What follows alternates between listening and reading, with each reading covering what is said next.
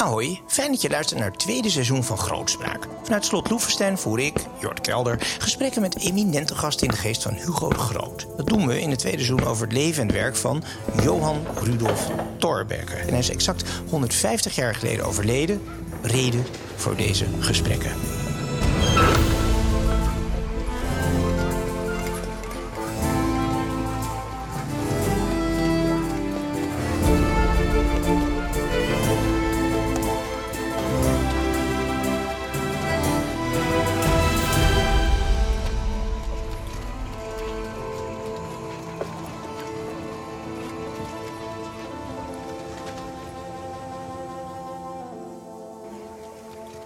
Ja, luisteraars, ahoy. En daar zitten wij dan voor de, voor de tweede rondje Thorbecke. En in dit geval Thorbecke en het liberalisme, want daar moet ik toch eens even over hebben. Um, ik doe dat uiteraard met de biograaf van Thorbecke, professor Remig Aerts. Uh, met historicus professor Annelien de Dijn, uh, professor ook in Utrecht. En de filosoof Dr. Edwin van Haar, dagelijks leven eigenlijk um, ja, in dienst van zo'n groot stroomleverancier. We gaan Onder geen andere. reclame maken. Onder andere. Maar dit doe ik in mijn vrije tijd. Ja, nee, daarom. En je gepromoveerd natuurlijk ook ehm, op een liberaal onderwerp. We, ik, ik begin even bij, eh, bij Annelien. Eh, we jij bent schrijver van eh, het boek De- Vrijheid. Je bent een, nou ja, een groot wetenschap op het gebied van vrijheid analyseren in de- door, door de eeuwen heen. Deze plek, Loevestein, staatsgevangenis, waar Hugo de Groot gevangen zat. zijn vrijheid werd beknot. Zouden we in jouw definitie Hugo de Groot eh, kunnen bestempelen tot een groot liberaal? Ehm, ja, dat lijkt mij ehm, om een aantal redenen eh, best wel lastig om te doen. Dus als je kijkt naar wat de Groot zei over vrijheid, een van zijn interessantere uitspraken vind ik eigenlijk, is dat hij ergens schrijft, kijk, ehm, het is mogelijk voor, ehm, voor een, een bevolking om eh, uit vrije wil te kiezen voor slavernij. Eh, dus dat is een van zijn meer controversiële uitspraken. Ehm, en de reden waarom de Groot eh, die uitspraak deed, of wat hij daarmee wou zeggen, was: kijk, ook een absoluut regime kan dus een legitiem regime zijn. Eh, dat kan een, een type van regime zijn waar mensen dus ehm, eh, uit vrije wil voor kiezen. Als het alternatief is bijvoorbeeld dat je anders terechtkomt in een soort van algemene chaos. Eh, of, is het, of in een situatie van oorlog. Ja. Uh, Dus de Groot is iemand die, die wij kennen als een, een vrijheidsstrijder. Maar wat ik zelf heel interessant vind, is dat hij tegelijkertijd uh, een, een bepaalde the- politieke theorie heeft ontwikkeld die ook kon gebruikt worden om het vorstelijk absolutisme te legitimeren. Ja, ja. Is het eigenlijk eh, überhaupt doenlijk om over vrijheid te praten en liberalisme in een tijd dat er ge- gewoon bestuurd werden, of de meeste landen door de adel, de monarchie of door regenten, maar niet het volk heeft toch nooit een bliksem te zeggen gehad? Um, wel, als je dus um, aan mensen die niet Hugo de Groot waren zou gevraagd hebben van... Uh, is het mogelijk uh, om vrij te leven als je jezelf niet bestuurt? En je stelde die vraag in de loop van de 16e, 17e eeuw, dan Ja. zou het antwoord van de meeste mensen zijn geweest nee. Uh, hè, dus Ja. Als je kijkt naar um, de, lange geschiedenis van de vrijheid, hoe mensen vroeger nadachten over vrijheid in, in de 16e, 17e en 18e eeuw, dan werd het begrip vrijheid eigenlijk bijna altijd gelinkt aan uh, andere begrippen zoals volkssoevereiniteit en zelfbestuur. Ja, maar je kan ook zeggen vrijheid, maar daar hebben we het later wel over. Gaat dat nou over uh, uh, actief en passief ki- kiesrecht hebben? Of gaat het eigenlijk gewoon over vrij kunnen denken? En de Nederlanden stonden in de 17e eeuw enigszins bekend als een vrije haven van vrij denken. Hoewel hij gevangen genomen werd, hoewel Spinoza uh, gecanceld werd in termen van nu. Dus hoe zie jij dat? Um, ja, dat is um, inderdaad een, uh, een gegeven. Hè? Dus um, in vergelijking met de meeste andere Europese landen, zeker als je kijkt naar buurlanden zoals Frankrijk, had je Mhm. in, uh, in de Nederlanden en in het bijzonder in de Republiek uh, best wel een grote vrijheid van Ja. een meningsuiting. Het was mogelijk om dingen te zeggen die in veel andere landen ja, gewoon Mhm. gecensureerd zouden worden, maar ook daar waren natuurlijk grenzen aan. Ja. Um, en die grenzen waren in zekere zin ja, eh, heel heterodoxe religieuze visies kon je ook hier niet, uh, Ja. niet uiten. En natuurlijk kon je ook niet oproepen om. Um, Nou, je ja, zegt kon natuurlijk. geen dingen gaan roepen die de legitimiteit Ja. van, van de republiek zouden gaan ondermijnen. Er waren natuurlijk eindeloos veel pamfletten die opriepen tot van alles en nog wat. Dat, was, dat kon kennelijk, maar ook anoniem volgens mij. Een beetje Twitter van die tijd. Ehm, Descartes vliegt, eh, vlucht naar de, naar de Nederlanden, maar Hugo de Groot moet, moet via de boekenkist naar, eh, naar Frankrijk. Ja, dat, Dus ja. zo wisselen we het een beetje uit. Ik ga even naar Edwin van der Haar. Ehm, zeer geïnteresseerd in het liberalisme. Dagelijks leven doe je dus eigenlijk iets anders. Een hobbyproject van je. Hoe zie je Hugo de Groot als liberaal? Nou, als ik aan Hugo de Groot denk, dan denk ik aan de invloed die hij heeft op Adam Smith. Ehm, Adam Smith eindigt de Theory of Moral Sentiments, dat is eigenlijk het moraal-filosofische werk uit, uh, uit de 18e eeuw, met een ode als het ware aan, aan ehm, Hugo de Groot. Uh, vooral dan het, het, het, denken over internationaal rechten, de just war theories, dus de, de, rechtvaardige oorlog, waar hij natuurlijk vooral ook bekend om is, in, in, zeker in internationale zin. En ehm, dat natuurrechtelijke, uh, rechtvaardige oorlogidee heeft veel invloed uh, op Adam Smith, maar ook mm. op zijn tijdgenoten. Um, dus dan denk ik eigenlijk aan de, aan de, aan de omarming van grootjes door wat in mijn optiek in ieder geval de oorspronkelijke klassieke liberalen zijn, ja. namelijk de moraalfilosofen van de Schotse verlichting. en daar heeft grootjes dus een, een aardige invloed op, zeker ja. op een internationale denken. Maar ook de, de vrije zee, noem maar op. Eigenlijk de basis van het, uh, van het vrije uh, spel der maatschappelijke krachten. Ja, nou, ja, een beetje. Want daar zit er ook wel mits en maren aan. En die rechtvaardige oorlog, dat heeft ook wel een heleboel uitzonderingen of, of reden eigenlijk om oorlog te gaan voeren. Mm -hmm. Dus het is, niet een, het is niet een soort van pacifistische uh, theorie. Um, maar de Vrije Zee, ja, die was natuurlijk ook deels bedoeld voor Nederland om gewoon uh, zijn ja, gang te kunnen gaan. Dus laten we nou niet uh, de geschiedenis in onszelf ophemelen en ja. beter maken dan, dan we zijn geweest. Maar het heeft er wel zeker mee te maken. En ook als je weer even terug naar Smith. Smith die zag natuurlijk de Republiek, de Hollandse de Nederlandse Republiek, was het rijkste land van, de, van Europa. Ja, door die vrije handel. Door die vrije handel, maar ook de, gewoon door de koloniale beslagleggingen, zullen we het zo even noemen. Jongens, het is oorlog. We gaan duiken. Ik hoor allemaal vliegtuigen overkomen. Het is even niet anders. En dus zeg maar het vrijhandelsprincipe, hè, wat voor uh, Smith wel wat een, een, uh, ja, een soort natuurrecht, een menselijk uh, een ja. mensenrecht was eigenlijk. Hè, de, en ook iets wat in de menselijke natuur zat. Um, daar zag hij, dat zag, vanuit Schotland werd daar bewonderend naar Nederland gekeken. En ook mm -hmm. veel Schotten gingen ook naar Nederlandse universiteiten enzovoort, ja. enzovoort. Dus daar zit duidelijk wel een, wel een link. Um, en dan vooral op het, een beetje het internationale vlak. We gaan even naar Thorbecke, de biograaf, Remig. Um, Thorbecke wordt in Nederland wel gezien als de grondlegger zo ongeveer van het politieke liberalisme. Hè. De, de, hij hangt op het torentje, zijn oude werkkamer, waar nu een liberale premier zit. Daar associeert men Thorbecke mee.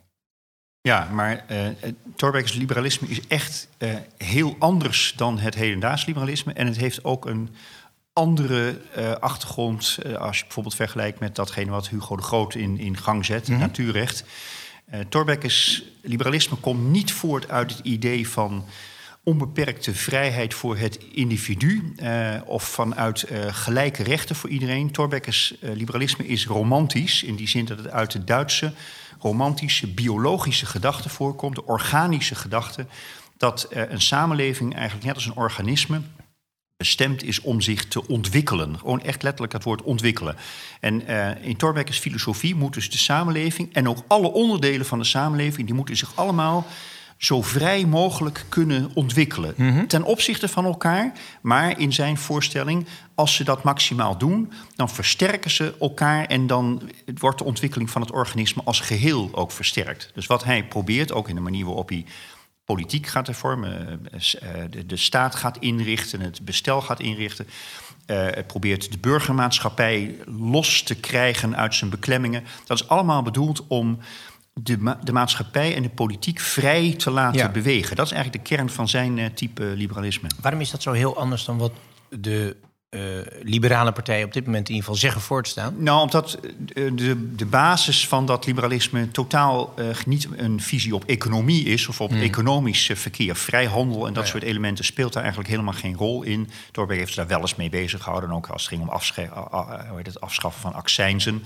Maar daar ligt eigenlijk helemaal niet de kern van dit type liberalisme. Het is een een ontwikkelingsfilosofie die, die voor een deel ook ontleende aan zijn protestanten, Lutherse uh, achtergrond. Ja. Uh, het idee dat protestantisme is bedoeld om vooruitgang te creëren, om vrijheid te creëren, om uh, het denken vooruit te brengen. En dat is, dat is een inspiratiebron voor wat hij als liberalisme beschouwde. Ja. Vrije ontwikkeling. Ja, Oké, okay. is goed gedefinieerd. Annelien? Um, ja, inderdaad. En ik denk dat dat niet alleen geldt voor Thorbecke, maar ook voor 19e-eeuwse liberalisme meer algemeen. Um, en ik zou zeggen dat je dat ook niet alleen bij die Duitse uh, liberale beweging ziet, maar ook heel sterk bij de Franse. Iemand als uh, François Guizot, um, dat was ook een, uh, een Franse liberale politicus, waar Thorbecke zich in zekere zin aan, aan spiegelde. Hij had mm -hmm. er ook veel kritiek op die man, want hij vond dat iemand als Guizot niet voldoende scherp zag waar de maatschappij naartoe aan het bewegen was. Um, maar wat, wat die mensen ook heel erg gemeenschappelijk hebben, naast dat idee van uh, zo'n maatschappij is een organisme dat zich ontwikkelt naar ergens toe, mm -hmm. uh, is ook dat die ontwikkeling eigenlijk gestuurd moet worden door bekwame mensen. Ja. Dus dit is een type liberalisme dat heel erg elitair is. Je zou het zelfs als uh, regentesk kunnen omschrijven. Ja, dat, nou ja, regentesk. Wacht even, de meritocratie hoor ik hier eigenlijk. Want regentesk is eigenlijk... Uh, Papi heeft een baantje geregeld voor me, toch? Of niet? Of bedoel je regentesk in de zin van... Nou ja, zeg het maar. Ja, nee, je hebt zeker gelijk. Hè. Dus, um, het, het, gaat inderdaad niet over uh, regentesk in de zin van um, uh, je bent geboren in een bepaalde klasse en daarom heb je die bekwaamheid. Het idee is inderdaad, en daar was Thorbecke ook zelf heel uh, trots op. Hè, dat hij dus uh, niet uit zo'n uh, familie kwam ja. met een roemrijk geslacht, maar hij was echt self-made, zo dacht hij het over. Maar wel een elite. Dat maar wel een elite. Ja. De, de, meest bekwame, ja. de meest slimme mensen. Ja. Thorbecke was ook iemand die heel erg inzet op onderwijs, hij zichzelf ontwikkelen. Vooral die, die, die intellectuele elite. Hè? Want dat, wat, wat Thorbecke en Guizot gemeen hebben, dat is dat ze historici zijn. En de gedachte erachter is dat je dus als historicus de ontwikkeling van de tijd mm -hmm. beter begrijpt en dus weet wat de tijd nodig heeft wat de samenleving nodig heeft om bij de tijd gebracht te worden. Ja. Dat is eigenlijk de, de, de verbindende gedachte daarin. Ik, ik, proef zo heel erg, Remig, dat uh, Thorbecke... dit is zo'n ongelooflijk product van zijn eigen opvoeding... en de, de feilen van zijn, van zijn voorouders. Ik bedoel, het faillissement, de, de, of niet het faillissement, maar de armoede, noem maar op. Ik had me dat nooit zo gerealiseerd. Want ik had Thorbecke zeg maar, als een soort leerstuk gezien, de grondwet, noem maar op. Maar hij is volledig een product van waar hij vandaan komt. Hij heeft van ver moeten komen, inderdaad. Ja. Het is dus in elk opzicht iemand die niet in, in, de, in het centrum van, van de macht uh, zit. Ja. Uh, ook Thorbecke's aanhang, in alle decennia dat hij uh, een rol heeft gespeeld... zat nooit in de traditionele ja. machtscentra van Nederland. Dus nooit in Holland, nooit in de hervormde kerk... niet in Amsterdam, niet in Leiden, niet in Den Haag. Zat altijd in de periferie van het land. Hij heeft het altijd... De, de, de progressieve beweging, de liberale beweging... werd altijd gesteund van Groningen tot aan Limburg, uh, ja. uh, maar niet uh, vanuit de traditionele machtscentra. Kunnen, zou je dan kunnen zeggen dat het ook in zekere zin uit zijn eigen frustratie voorkomt, dit denken? Nou, gedrevenheid, denk ik. frustratie, ja. In ieder geval, gedrevenheid is een motief voor hem geweest. Ja. maar ook bijvoorbeeld een motief geweest om meer dan anderen in zijn tijd oog te hebben voor ja. uh, minderheden hè, uh, in, in het land. Zeg maar al diegenen die niet tot het establishment en de grote gevestigde macht van de hervormde kerk uh, behoorden. Oog voor minderheden. En dat is ook de reden waarom Thorbecke bijvoorbeeld liberaal kon zijn tegenover de katholieken in Nederland. Wat ja. vanuit het protestantisme helemaal niet voor de hand lag. En er waren ook grote grote oppositie tegen was uh, in Nederland als het erop aankwam. Er was natuurlijk heel veel gedonder dat op een gegeven moment die, die, die pauselijke hiërarchie wordt hersteld met de bisschop en noem maar op. Dat speelt dan midden in die 19e eeuw. Moeten we ja. daar nu over hebben of komen we er later op terug? Nou, dat uh, bepaal ik niet. Uh, wie... Oké, okay. nou ik bepaal het ook niet, ik heb ook niks gezegd. Edwin, geef niet jou. Thorbecke, voor jou als liberaal. nou ja, als ik even aansluit bij de beschrijving die, die, die net is gegeven, is dat een ander soort liberalisme dan er ook bestaat. He, dus het, het, het liberalisme wat niet een volk wil leiden of, of, of, of groepen bij elkaar wil brengen. Maar het gaat natuurlijk om individuele vrijheid. Van het, het gaat om de individu. -hmm. uh, voor een heleboel liberalen althans. Hè. De, er zijn verschillende soorten liberalisme. Uh, een heleboel door de eeuwen heen ook. Maar uh, hè, wat, wat, veel, wat, je, wat je nu ziet, wat ik het klassiek liberalisme noem... dat gaat over individuele vrijheid. En dat gaat dus niet alleen over economie. Dat gaat ook over het persoonlijke leven. He, dus als je het hebt over uh, liberale politieke partijen. Over het algemeen vind ik dat liberale politieke partijen en liberalisme niet zo heel veel met elkaar te maken hebben. Uh, maar op oh, dat scheidt jij, ja? Op de vrijheid van het individu. Nou, in Nederland over het algemeen weer wel. He, de libertijnse vrijheden, uh, de manier waarop hier met nou, allerlei controversiële issues wordt opgegaan, maar ook gewoon puur wat, wat een individu vermag in dit land. Ja, ja. Daar gaat het uh, in eerste instantie om. Daar hoort natuurlijk ook economisch handelen bij, daar hoort politiek handelen bij, maar er hoort ook bij uh, tolerantie voor, voor uh, ja. afwijkende levensstijlen bijvoorbeeld. Mm. Dat is denk ik waar in de kern van het klassiek liberalisme om gaat. In, in, Nederland hebben we nu net twee jaren van eh, coronabeperkingen achter de rug. Hmm. Ik geloof niet dat er van een liberale samen nog heel veel over is. Nee, dat zijn ook wel eh, spannende punten, ja. En het is ook heel goed dat blijkbaar de corona, coronawet niet wordt eh, her- eh, verlengd. Dus Ja. dat, daar- dat is een... een Nou ja, oké, maar er is een Klein discussie of je met noodwetgeving eigenlijk grondrechten buiten werking kan stellen. Er is nogal wat gebeurd. Absoluut. Ja, en dat eh, je kunt. Ik denk wel in bijzondere omstandigheden hè, die, eh, Mm. zijn er ook bijzondere ma- maatregelen nodig. En ik denk wel dat corona wel een hele bijzondere epidemie was die we nog nooit in deze maat hadden meegemaakt. Kun je over twisten, maar goed, laten we dat niet doen in deze eh, eh, podcast, wat mij betreft. Eh, maar er zijn zeker een heleboel eh, be- beperkende Ja. maatregelen genomen, ook echt die diep ingrijpen. En het is heel goed dat dat heel snel weer weg wordt. eh, Ja, nou goed, oké, maar we gaan geen coronadiscussie, dat, dat was Nee. ik ook helemaal niet van plan. Maar het is meer dat als je praat over liberalisme, we hebben een officieel al drie liberaal, althans door een liberaal geleid eh, kabinet. Ehm Annelien, zijn wij een liberaal land, Nederland? Ik denk dat er toch wel een aantal redenen zijn om eh, te zeggen dat dat eh, tot op zekere hoogte wel zo is. Eh een van die redenen is inderdaad dat Nederlanders toch massaal blijven stemmen op liberale partijen. Maar wat mij eigenlijk bijvoorbeeld opviel in die hele discussie over de coronamaatregelen was precies hoe moeilijk het was voor de coalitie die aan de macht was om een hele sturende, krachtige rol te gaan spelen. Dus ik heb de indruk dat ehm, ja, hier gesuggereerd werd van de maatregelen waren misschien te streng ehm, of heel ingrijpend en we gingen daardoor weg van eh, dat liberale paradigma. Maar als je gaat, als je gaat vergelijken met wat er bijvoorbeeld gebeurde in mijn, eh, in mijn thuisland België, dan valt mij juist heel erg op dat hier heel lang het discours bleef.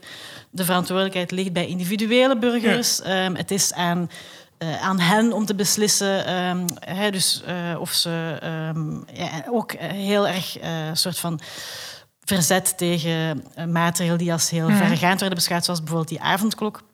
En ik wil zeker niet de discussie aangaan over de vraag of dat überhaupt allemaal nodig was ehm, en welke van die maatregelen nuttig waren en welke niet. Maar wat mij heel erg opviel, en ik denk dat dat ook is gebleken uit de evaluatie nu van het coronabeleid, dat er eigenlijk heel weinig krachtig werd, ehm, eh, dat, dat die hele crisis eigenlijk weinig krachtig... En Ja. ik denk dat dat dus te maken heeft Ja.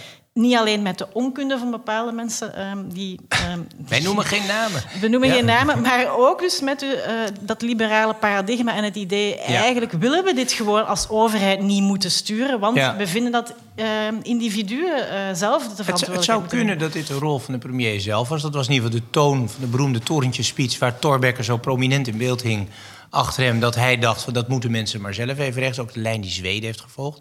Eh, dus daar zou best wel een stempel gedrukt kunnen zijn. Uiteindelijk ging Nederland in de pas, mondkapjes, allerlei beperkende maatregelen. Uiteindelijk maakte het niet zo heel veel meer uit. Met de andere landen is mijn indruk. Maar misschien ideologisch gezien nog wel. hoor. doen. Ja, dat is, ja, dat Ja. is hoe ik... Laten we zeggen, de eh, ja. bedoeling was liberalisme, maar het resultaat was repressie. Ja, toch. Ja, jij noemt het repressie, Ja, maar natuurlijk. ik Als je, toch, ik- als je de straat niet op mag s'avonds, toch repressie? Dat is, dat is het gewoon. Wel, als, als dat hoort bij een pakket maatregelen waardoor je eh, een aantal nee, levens dat kan redden dat, gelijk kan. is aan een kleine stad, dan denk ik niet dat dit een repressieve maatregel kan genoemd Oh, worden. Nee? Nee. Avondklok geen... Nou, oké. Het, gaat, het, gaat niet om die, het gaat ook niet om wat je ervan vindt... maar een, een beper- dat mensen om tien uur s'avonds de straat niet opbogen... dat is in Nederlandse geschiedenis sinds de oorlog nooit meer gebeurd. hoor. Maar Dus- woorden zijn inderdaad Ja. belangrijk. En eh, ik vind het belangrijk ehm, dat woorden als repressie niet gebruiken om de coronamaatregelen te duiden. Ehm, deze maatregelen waren genomen op een democratisch verantwoorde wijze. Oké, Met een eh, noodwet. Ja, daar waren ook haken en ogen aan. We kunnen daarover discussiëren, maar het was, een, het was ook een noodsituatie. Mhm. daar kunnen we het allemaal over eens zijn.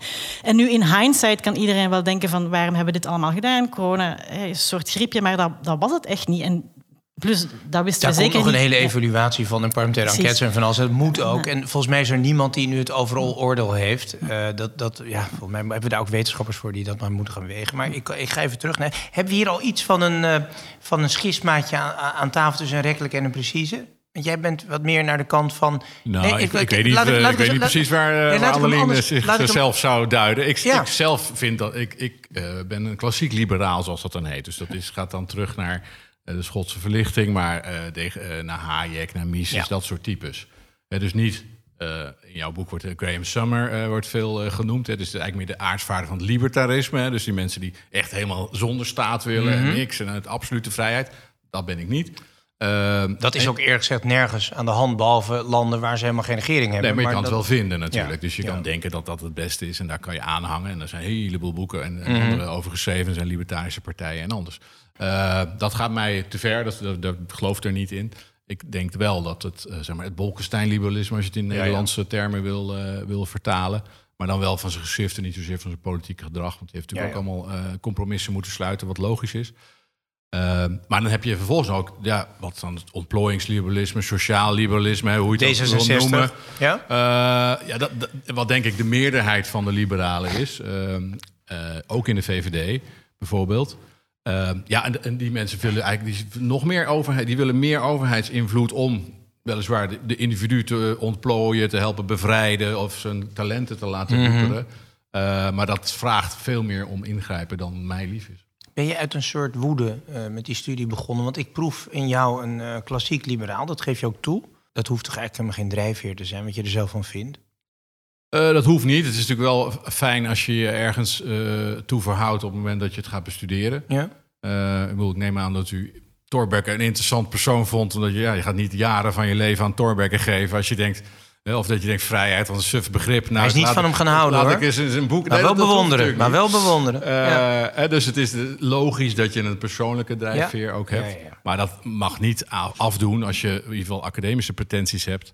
Eh, ik nee, punt gemaakt. Dat, dat je dat Oké. wel aan standaarden moet Uitspraak van de premier, de, eh, de baas van de VVD, officieel een liberale partij, zegt... Nederland is een diep socialistisch land. Annelien, Ja, spreekt wel- de premier onzin? Ja, ehm, ik zou eerder zeggen van wel. eh, wel, die uitspraak ja, lijkt me dus inderdaad eerder niet te kloppen dan wel. Ehm, hè, ja, ik denk dat, dat ik wel ongeveer weet ehm, waar die op bedoelt. Maar ehm, ja, opnieuw, ik vind persoonlijk dat in, de heel, in het heel recente verleden, dus de hele aanpak van de coronacrisis, dat daar juist uit blijkt hoe doordecemd eh, Nederland is van ehm, die meer liberale ideeën over individuele verantwoordelijkheid. En dat, Ja. is, dat is ook al, al lang zo. Hè. Dus uit onderzoek van collega's van me, van Marijn Oudenamst en Bram eh, Melling, blijkt bijvoorbeeld dat Nederland ehm, in de jaren negentig een neoliberale wending heeft genomen en toen echt het beste jongetje van de klas We zijn een eh, kwartiertje weg. Het woord neoliberalisme is gevallen. Ja. Hebben niet van dader, dat is makkelijk. Ja. Nee, maar kijk, de, even de, de- Rutte baseert dat misschien op. We hebben het hem niet kunnen vragen nu. Ehm, op bijvoorbeeld hoe Nederland, hoe zeg maar de, de nationale buit verdeeld wordt. Dat zou je bijvoorbeeld kunnen zeggen. Nou, we verdienen met z'n allen 800 miljard. Daarvan gaat bijna de helft via de overheidsvingers. Ehm, dus bijna de helft van de economie inmiddels iets minder. Ik geloof 43 procent officieel collectieve lastendruk is via herverdeling. Eh, we hebben een belastingssysteem dat progressief wil zijn. Lukt niet overal, zie je aan kloven met vermogensbouw. Maar bijvoorbeeld inkomensverdeling in Nederland is wel zo. In Nederland is wel ehm, ge- gelijkheid. Eh, jij moet niet denken dat je mijn baas bent. Is wel een sterk Nederlands sentiment, geloof ik. En dat, daar zit een zeker socialisme in. Ehm, ja. Ja, maar maar- Nederland wordt toch al, ik bedoel, je kunt zeggen, het is een liberaal land. Ja, wat misschien zijn mentaliteit, zijn attitude, wat, Hmm. wat burgerlijke wensen betreft, wat het libertair karakter, is de menig op zich een bijzonder liberaal Ja. land. Dat betekent niet dat. Maar het liberalisme en liberale partijen zijn niet al een halve eeuw lang. eh, eh, de leidende kracht in de politiek. Dus Nederland heeft een, een, een, een politiek bestel en een sociaal bestel dat in fasen is opgebouwd eh, vanuit de inbreng van ook hele andere partijen. Waarin de Ja. sociaaldemocratie natuurlijk altijd heel lang groot is geweest. En de christendemocratie in menig opzicht eh, heel lang een rol heeft gespeeld... die veel Ja. dichter bij de sociaaldemocratie lag dan bij die van het liberalisme. Dus dat, dat bouwt op dat Nederland een belastingstelsel... en een eh, politieke of een economische verdeling heeft... die op deze manier tot stand is gekomen. Maar dat doet weinig af aan het, aan het op zichzelf liberale of libertaire karakter van, eh, van eh, hoe de samenleving Ja, in dit land Dat zou je eh, eigenlijk willen, willen, sp- willen splijten. Dus je zou natuurlijk wel kunnen zeggen, Annelien, Nederland is... we- Wij hebben een grote welvaartsstaat relatief, als je dat vergelijkt met andere landen. Alleen Scandinavië misschien nog wat groter dan wij, Denemarken. Ehm, dat herverdelingssysteem is misschien met milde tegenzin van christendemocraten minder... maar zeker tegenzin toch wel van de liberalen vaak... is dat tot, tot, tot stand gebracht. Dus een beetje remmend nee zeggen of ja zeggen... Ehm, het is een, volgens mij is het een sociaal-democratisch land. Dat zou je toch wel kunnen constateren, of niet? Alleen dan in de geestelijke vrijheid misschien meer libertair. Ja. In Nederland is niemand de baas. In Nederland is niemand erbij. Um, ja. Wel? Ik heb het idee Maar dat die, niemand je kunt er ook zeggen, kijk, die, die vrijheid die burgers hebben, wordt toch voor een deel gefaciliteerd mogelijk gemaakt door het feit dat ze bijvoorbeeld zo- in sociaal-economische zin zekerheid eh, hebben. Je, kunt je niet voorstellen hoe Ja. vanaf het moment zelfs maar dat er in Nederland ehm, uitkeringen eh, bestaan voor mensen die sociaal, eh, die althans niet meer zelf een eigen brood kunnen verdienen.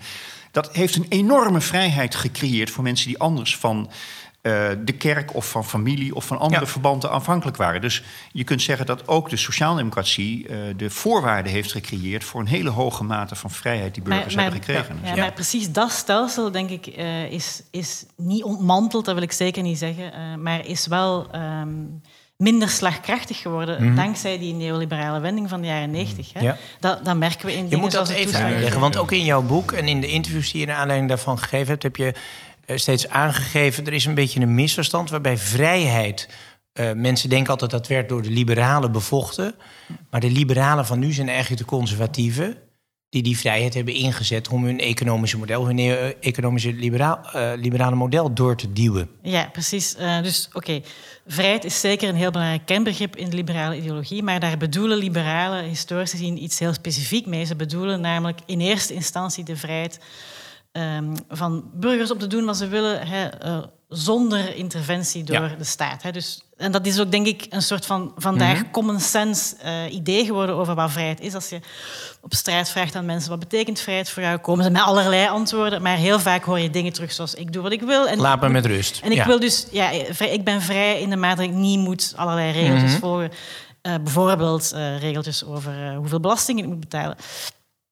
Eh, maar eh, dat idee van vrijheid eh, is ontwikkeld ehm, in reactie op een veel ouder idee over vrijheid, waar vrijheid niet is, ik hoef niet te houden aan regeltjes en ik leef in een samenleving waar er zo weinig mogelijk regeltjes zijn.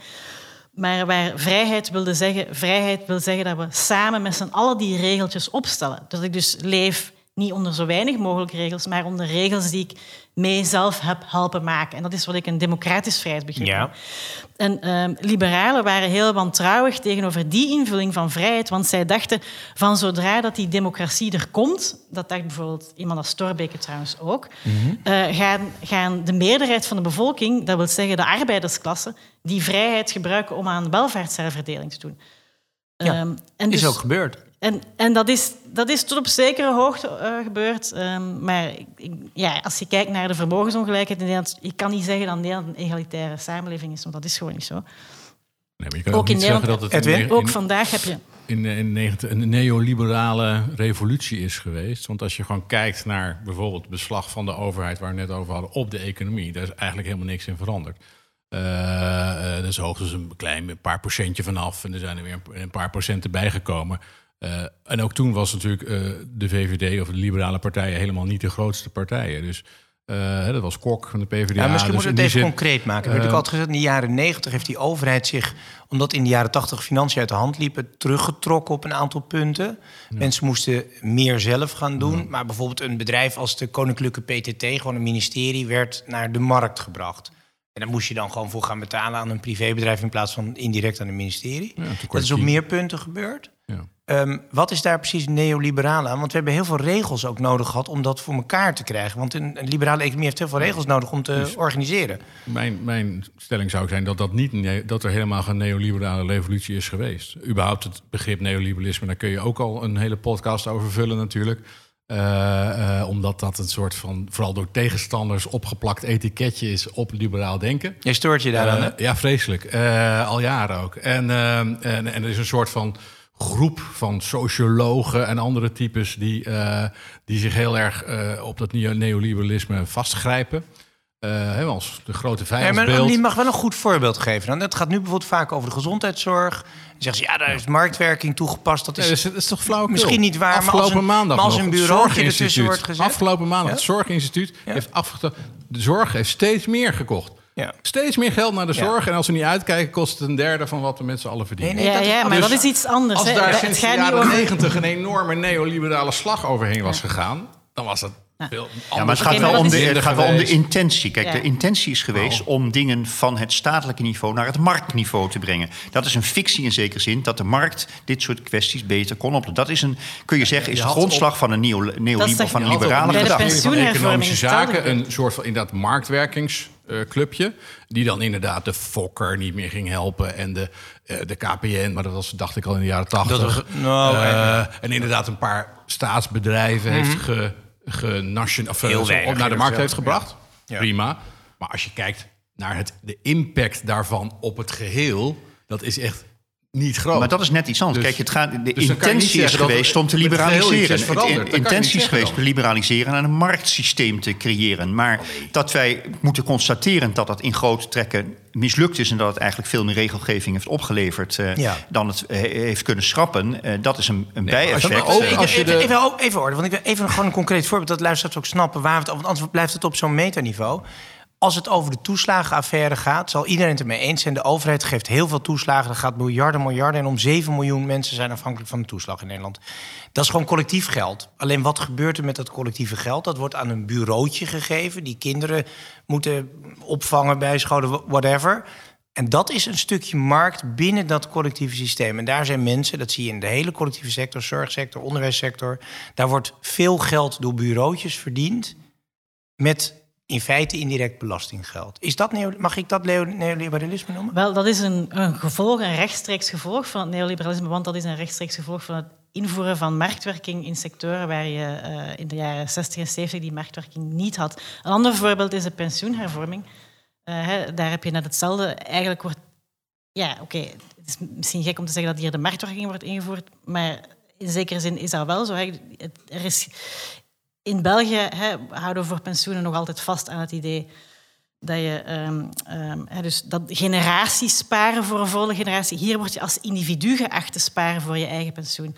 Niet waar? Wel, tot op zekere dat hoogte. is het soort van plannetje op de pensioenwet die nog net, die volgens mij nog in behandeling is. Maar het vooralsnog uh, Het is word een collectief gewoon, systeem, hoor. Word je, is het een collectief niet van systeem jou, waarbij de Ja, ja. AOW nog... het- hè, De, de, de AOW is sowieso natuurlijk collectief gefinancierd. Dat is de basis. En als je daar bovenop nog pensioen spaart... eh, dan heb je geen keuze. Dan moet je zijn Ja. bij het pensioenfonds waar, daar waar je werkt. Eh, en daar proberen ze nu te veranderen, maar dat Mhm. is nog niet ingevoerd. Want volgens mij is de minister bij Sociale Zaken zijn ze er nog heel hard mee bezig. Dus, en, en zelfs dan is het nog maar de vraag of dat zo individueel echt gaat lukken. Want de vakbond wil natuurlijk niet dat mensen ook de downsides daarvan gaan, gaan, eh, namelijk gaan merken op het moment dat de beleggingsresultaten Ja. tegenvallen. Dus, Maar het is interessant, we hebben hier een, een, een discussie aan tafel eigenlijk. Hoe liberaal is Nederland? Jij zegt, Annelien, hoogleraar te Leiden, of te, te Utrecht, excuus. Ehm, Nederland is eigenlijk een neoliberaal land. Met wat socialistische trekjes, maar toch in basis liberaal. Dat is het uitgangspunt. En jij zegt, liberalisme, het is er nooit van gekomen. Waar heb je het over? nee, En hij heeft twee doktoren aan tafel. Nou, drie zelfs. Wat is het nou? Nee, het liberalisme is meer dan één ding. Je kan het liberalisme natuurlijk niet, hè, wat ik net al zei, je hebt politieke aspecten, je hebt economische aspecten, je hebt persoonlijke aspecten, je hebt van alles en nog wat. En mijn, mijn eh, overtuiging is dat Nederland qua persoonlijke vrijheden, persoonlijk liberalisme, dat het best goed geregeld is eh, in Nederland. Dat mensen veel zelf mogen doen. Niet onbeperkt, maar wel de, die. De economische vrijheid is denk ik veel minder goed meegesteld. Dat zou mijn eh, eh, Maar eh, deze zijn. in, zekere zin, als je ook, eh, zoals je het net voorstelt aan de hand van, van de toeslagenaffaire. Kijk, wat in Nederland gebeurd is, wat zich hier ontwikkeld heeft, is in zekere zin een idioot hybridisch stelsel. Hè? Het heeft bepaalde intenties die Ja. hebben anders uitgepakt. En er is een wonderlijke hybride ontstaan tussen dingen die vanuit statelijke regie gebeuren en die eh, bedoeld zijn als een vorm van marktwerking, die niet kan werken omdat daar geen markt is op die Nee. terreinen. Dus Nee. eh, misschien, dat is denk ik wat er op dit moment gebeurt, dat je goed moet nadenken over of je dat hele ingewikkelde hybride systeem, waarbij je ook dingen uitdeelt en ze weer terugneemt en je Ja. allerlei tussenstations hebt gecreëerd die daar weer aan verdienen, aan, aan indirect aan overheidsgeld verdienen, of je niet dat systeem radicaal moet gaan terugsnoeien. En dat is in zekere zin, als je, als je, het- als je het met Thorbecke wilt verbinden, dat is een intentie geweest van Thorbecke. Want wat wij nu aan het doen zijn, lijkt eigenlijk op het soort laat 18e eeuwse systeem, of het vroeg 19e eeuwse systeem, van, waarin allerlei hybride vormen bestonden.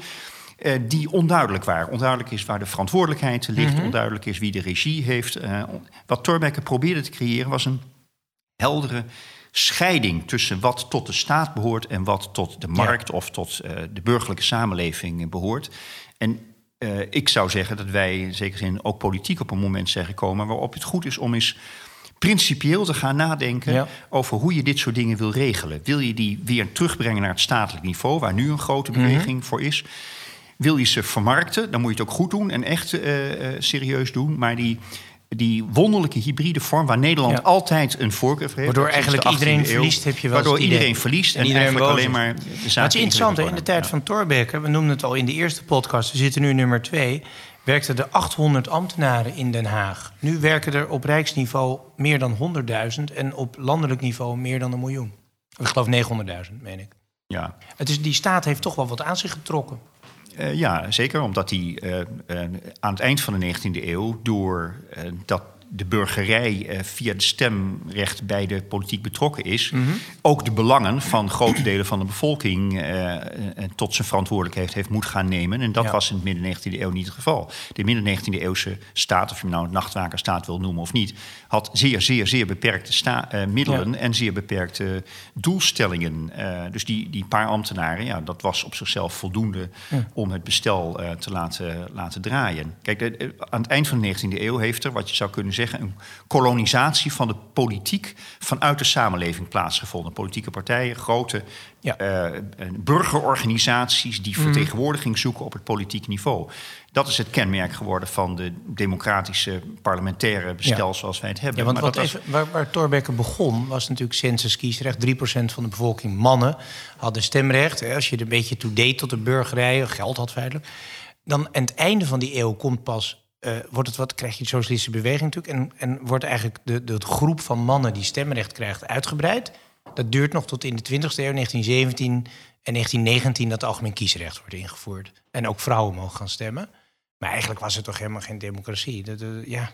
Nou nee, tot 1919 is Nederland ook geen democratie. Nee, het is ook, ook op zichzelf onjuist. Oh, dat zul om- je wel zo definiëren. Geen democratie Nee, tot het was geen 1919. democratie. Nee, het was ook, had ook niet eens de intentie om een democratie te zijn. Er is zelfs, eh, sterk gezegd, als je aan het eind van de 19e eeuw kijkt naar de discussies in Nederland, was geen enkele van de politieke stromingen principieel voorstander van democratie. De sociaal-democraten vonden dat er een revolutie moest komen en geen parlementair bestel. Ja. Christen-democraten, zoals we ze nu zouden noemen, confessionele, waren geen voorstander van eh, democratie. En de liberalen waren het evenmin. Hoe wilden de christendemocraten dat eigenlijk? Op Nou, die, eh, eh, voor, voor, wel een parlement. voor, ja, dat wel een parlement, maar bijvoorbeeld Abraham Kuyper van de, de Mhm. protestanten wilde huismanskiesrecht. Dus een vaders die een gezin hebben, die, dat zijn de verantwoordelijke personen die het kiesrecht moet geven. Anderen hebben helemaal geen recht op kiesrecht. Eh, dat is die, dat is die Het klinkt Dus, wel een tijdje geleden dit. dit is wel een tijdje. Ja, maar dit is toch een, een, een model. En ook, ook het katholieke Ja. model, wat veel eh, hiërarch- hiërarchischer Ja. was. Maar dat, dat dacht ook veel organischer. Laten we zeggen, zoals je later corporatisme hebt. Dat Ja, je, en vanuit zuiden eh. Dat je, Ja. ja. of dat je functies in de maatschappij, dus bedrijven, Ja. wetenschap, eh, zorg... dat je die allemaal een eigen soort kiesrecht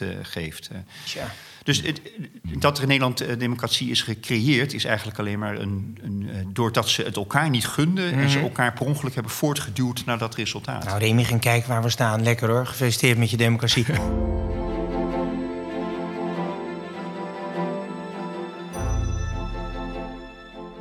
Hey, ik ga even naar Edwin. Is dit land wel in staat, na 70, 80 jaar welvaartsstaat, om ooit nog liberaal te worden in jouw definities? Want mensen willen het niet. Mensen, als er een crisis is, een corona wat dan ook, zeggen ze, de overheid moet betalen. Kom maar op.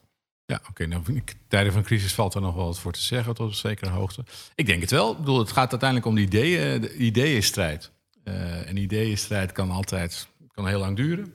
Eh hoeft niet op de korte termijn iets te, tot Nee, te ideeën in. Nederland sneuvelen altijd Nee. met een verhoging van de benzineaccijns. Dus dat, dat, Nee, dat denk ik niet. Ik denk dat je eh, juist ook als je de geschiedenis van de afgelopen 80 jaar bekijkt, dat er echt hele dingen eh, fundamenteel anders zijn nu dan eh 80 jaar geleden. Dat is eigenlijk iemands idee geweest. Nee, maar dat- wil, wil dat- dit dat- volk, dus nee, maar wil is dit mijn volk optimisme- vrijheid? In liberalisme, in niet alleen in zeg maar, vrijheid in zijn hoofd, dat je mag denken en je mag zijn wie je bent, maar gewoon willen wij van het sociaal-democratische herverdelingsprincipe van de welvaartsstaat af? Ik geloof het echt niet hoor. Ik denk wel dat, dat, eh, dat er genoeg mensen voor te porren zijn. Eh, zeker mensen als met je- geld alleen, en- ja. Maar zeker omdat je dus niet het liberalisme moet... eh, nee, ook andere mensen.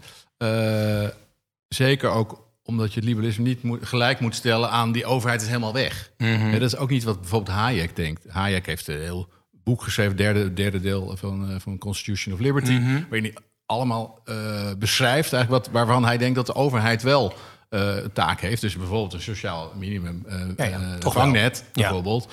Zelfs ook milieuwetgeving, dat soort dingen. Dus de Oostenrijkse school heeft zelfs een hart. Nee, het gaat niet om hard. Het gaat gewoon om. Met een T. om waar je. waar, wat je denkt wat nodig is om, om een goede samenleving te krijgen. Ja. En ik denk dat mensen weliswaar misschien gewend zijn aan eh vadertje staat. En dat we wel een heel eind op weg zijn naar. Het de Hayekiaanse eh, Ja. weg naar de slavernij. Ja. Eh, maar ik geloof niet dat je dan moet zeggen: oh, nou, dan, dat is dat dan het maar. En dan houden we verder op met praten en dan, eh, dan zien we het wel. Eh, ik- dat lijkt me niet de juiste manier van. Edwin, eh, of Annelien, Edwin capituleert nog niet voor zijn nederlaag. Dat het liberalisme weg is. Maar het interessante is, jij capituleert ook nog niet voor je socialistische overname. Want die is er ook niet echt. Wel, ik zou mezelf niet zozeer als socialist omschrijven, eh, hoewel ik ook geen bezwaar heb tegen dat label, maar wel als democraat. Ehm, en dus ja, ik denk wat we wel delen is, ik denk ook niet over de staat als een vader. Eh, helemaal niet. Eh, ik heb al een vader en daar heb ik genoeg aan. maar wat ik, wat ik wel denk is dat de staat ehm, een, een, een heel cruciale rol moet spelen op heel veel publieke ehm, eh, terreinen. En ik denk dat we daar wel van mening verschillen. Maar die staat is geen vader, die staat, dat zijn wij. En dat vind ik belangrijk dat we dat voor ogen houden. En daarom is die staat ook niet iets dat onze individuele vrijheid gaat inperken. Want als wij met z'n allen ehm, gewoon controle ho- houden over die staat. En dat is ook wel, dat is eigenlijk de kerngedachte van de vroege socialistische beweging. Als je gaat kijken ehm, naar de socialistische beweging zoals die hè, dus eh, aan het begin van de 20e eeuw ontstond, die socialisten praten voortdurend over vrijheid. Maar wat ze daarmee bedoelden was dus niet die vrijheid voor elk individu om te doen wat, ze, wat, hij of zij wil, maar wel dat je dus ehm, met z'n allen, ehm, via dingen zoals eh, het parlement, maar ook op allerlei andere manieren, controle krijgt over die macht van de staat en, en die macht van de staat inzet voor dingen waarvan je met z'n allen het over eens bent dat die nuttig zijn, ehm, dat de staat die rol Maar Annelien ging dat niet voornamelijk over socialistische werk, met uitbuiting van de bazen stoppen. Bijvoorbeeld, maar hoe doe je dat? Een heel, heel concreet voorbeeld. Eh, er is lang eh, strijd gevoerd voor het invoeren van de eh, acht-uren werkdag. Ja. En het argument was, van de liberalen was... Er is toch geen probleem? Er staat nergens in de wet dat iedereen tien uur per dag moet werken. Dus waar is het probleem? Waar Ja, ja. moet de staat zich hiermee bemoeien? Oké, dan zeiden de socialisten... Dat is eigenlijk niet waar. Die vrijheid, die zogenaamde vrijheid om dus minder lang te werken, bestaat helemaal niet. Want als je als bedrijf, zelfs als je een, een baas Mhm. bent die het beste voor met zijn werknemers, maar jij beslist dus, zijn werknemers maar Je moest wel, anders kon je niet leven. Dus als je ja, nu twee ging- inkomens in een huis moet je hebben... winkel om gewoon ja. failliet. Je, ging- Ja. je, je winkel ging gewoon failliet. Ja, Ehm, nee, nee, het. Ehm, ik ga het slotwoord geven aan de biograaf Remig. Is er eh, behoefte, eh, gezien al deze verwarring over het begrip liberalisme... aan de nieuwe Thorbecke, die het weer even op de kaart zet? Nou, in, in, in wel in de zin waar, waar ik straks aan refereerde. Iemand die bereid is en in staat is om de zaken weer eens scherp en Ja. helder te doordenken. En eh, die juist probeert aan te geven wat de verhoudingen zijn tussen een maatschappij, markt en, eh, en, en, en staat. Maar doe even een penseelstreek wat daar zou moeten staan, denk jij. Jij weet dit. Nou, dat is wel hele... hele want ik, ik ben Thorbecke niet, hè? ik bedoel, was bio, bio- biograaf. Ik denk Eh, na tien jaar dat je het wel een beetje bent ook. Ehm, kijk, ik denk dat het op zichzelf goed is dat je de helderheid creëert. Want heel veel van de problemen die wij nu hebben in de uitvoeringssector van politiek, Ja. dat is dat we de, alles te ingewikkeld gemaakt hebben. We hebben de, eh het belastingstelsel te ingewikkeld gemaakt, het toeslagenstelsel te ingewikkeld gemaakt. We hebben al die hybride vormen gecreëerd. En dat levert ons schade op. Dat levert de overheid schade op. Het Ja. levert de, het po- de reputatie van de politiek schade op. Ehm, en daar. ehm, eh, om daar opnieuw helderheid in te creëren, is op zichzelf dus een belangrijk eh, Ja. eh, streven. Ik zie niet dat het heel erg gebeurt hoor, daar niet van. Maar je, je zou behoefte hebben als nu aan een reset-knop. Ja. Zegt we, nou moeten we. Ik bedoel, ze is begin jaren negentig geloof ik geprobeerd om het belastingstelsel weer eens te vereenvoudigen. Hè. Nou, daarna is het weer eh, verwilderd. Eh, dat gebeurt elke keer omdat iedereen die belastingen wil gebruiken om er iets mee- Amendementje hier, om amendementje aan de daar. knoppen te draaien. Ja. En dat, daar moeten we een keer eh, van af, denk ik. Dus ehm, in menig opzicht is onze overheid er ook bij gebaat om niet alleen dingen uit te besteden, maar om zelf beter te doordenken wat de kerntaken zijn van, eh, van een overheid. Eh, Maar is dan, kijk, in de tijd van Thorbecke, waar die overheid nog zo weinig deed... en waar je als je uit kon zoomen al snel overzicht had... Het is nu zo complex geworden. Iedere burger heeft ongeveer zijn eigen amendement in de wet staan. Vandaar de complexiteit van de wetgeving. Kun je nog, uh, als je praat over de toeslagenaffaire, als je praat over Groningen, als je praat over alle andere affaires, het wordt altijd op één zo'n affaire ingezoomd. En dan moet uiteraard aan het einde van het debat de minister naar huis. Maar wie zoomt er nog uit om overzicht te krijgen. Hoe zou je dit... Want eigenlijk je het opblazen met een groot staaf dynamiet en opnieuw beginnen. Dus we hebben een proeven nodig, alle 1840, 1848. Nou, ik zou uh, intelligente mensen graag willen uitnodigen om zo'n proeven eens een keer uh, te schrijven. Ja. Maar er zijn ook veel dingen waar we zelf over kunnen nadenken. Kijk, wat, wat ons in de huidige affaires uh, parten speelt, is we hebben een enorm geëxpandeerd overheidsapparaat dat ook nog voor een deel bestaat uit uitvoerende dienst. Maar dat wordt niet meer, kennelijk niet meer door de democratisch gelegitimeerde politiek, parlementaire politiek aangestuurd. Die is daar te ver van afgeraakt. Die is zelf in een politieke impasse mm geraakt. Dus wij, is een, een gevaarlijke ontwikkeling dat wij een staats- of overheidsapparaat hebben dat niet meer door democratische legitimatie aangestuurd wordt. Dus wij doen er goed aan om te investeren in het terugbrengen van het politiek primaat bij uh, de samenwerking tussen regering en parlement. Die hebben dat nu veel te veel. Controle op de macht. Controle op de macht. En ook wat dat betreft, is altijd mijn punt geweest, dat die politiek ook veel onafhankelijker moet durven staan ten opzichte van kiezers of uh, belangen die vanuit mhm. de samenleving worden aangegeven. Ja. De politiek is er om voor burgers opties en keuzes aan te bieden. Niet om zich voortdurend te laten aansturen door elk geluid dat vanuit Twitter naar de overheid wordt gestuurd. Ja.